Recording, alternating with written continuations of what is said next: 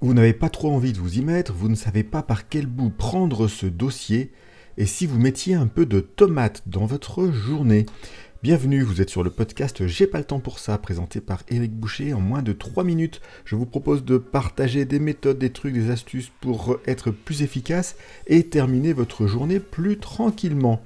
De quoi parlons-nous aujourd'hui? Nous parlons de la procrastination, de cette difficulté qu'on peut avoir à démarrer des choses. Et pour cela, je vais vous proposer un outil, ou plutôt d'utiliser un outil euh, qu'on connaît déjà, mais d'une manière un peu différente. Il s'agit de la méthode Pomodoro. Pomodoro en bon italien tomate, puisque c'est Francesco Cirillo qui l'a inventé. Et l'idée du Pomodoro, en règle générale, c'est de travailler de manière focalisée et ininterrompue sur une période de 25 minutes, puis de faire une pause. Ça, c'est la définition standard du Pomodoro. Je vous propose de le regarder de manière un peu différente et de considérer ce temps de 25 minutes plus 5, donc d'une demi-heure, plutôt comme une opportunité, euh, ce que j'appelle moi le cadeau de la demi-heure. Donc euh, si je reviens sur le sujet de la procrastination, c'est plutôt de vous dire, eh bien j'ai cette tâche sur laquelle je ne sais pas vraiment comment démarrer, je ne sais pas quoi en faire, j'ai pas forcément envie d'y aller non plus, eh bien je vais me bloquer une demi-heure pour voir ce que je peux faire dessus.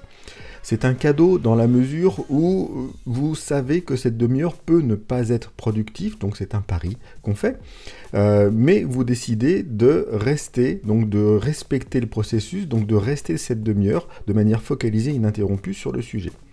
Qu'est-ce qui va se passer?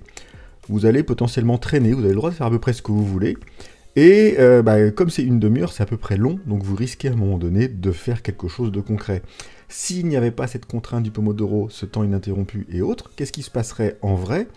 Vous démarreriez pendant 5, 10 minutes, et puis au bout d'un moment, vous diriez, ok, bon, évidemment, j'y arrive pas, de toute façon, je pensais bien que j'y arriverais pas, et vous passez à autre chose. Là, l'intérêt de la demi-heure, c'est vraiment de vous donner cet espace suffisamment long pour que vous puissiez vous installer dans le travail, dans la réflexion, et à un moment donné, produire quelque chose. Et notre cerveau est ainsi fait qu'à un moment donné, le diesel il va se mettre en route et cette tâche qui vous paraissait complexe, ce projet qui vous amusait pas forcément, eh bien vous allez faire quelque chose au bout de cette demi-heure. Et dans le pire des cas, admettons qu'il ne se passe rien, vous aurez au pire perdu une demi-heure, c'est vrai, c'est pour ça que c'est un cadeau, c'est-à-dire que cette demi-heure-là, il n'y a pas forcément de résultat prévu, mais vous aurez essayé et vous aurez avancé. Donc voilà, c'était comment utiliser la tomate du Pomodoro pour travailler sur votre procrastination dont J'ai pas le temps pour ça en moins de 3 minutes.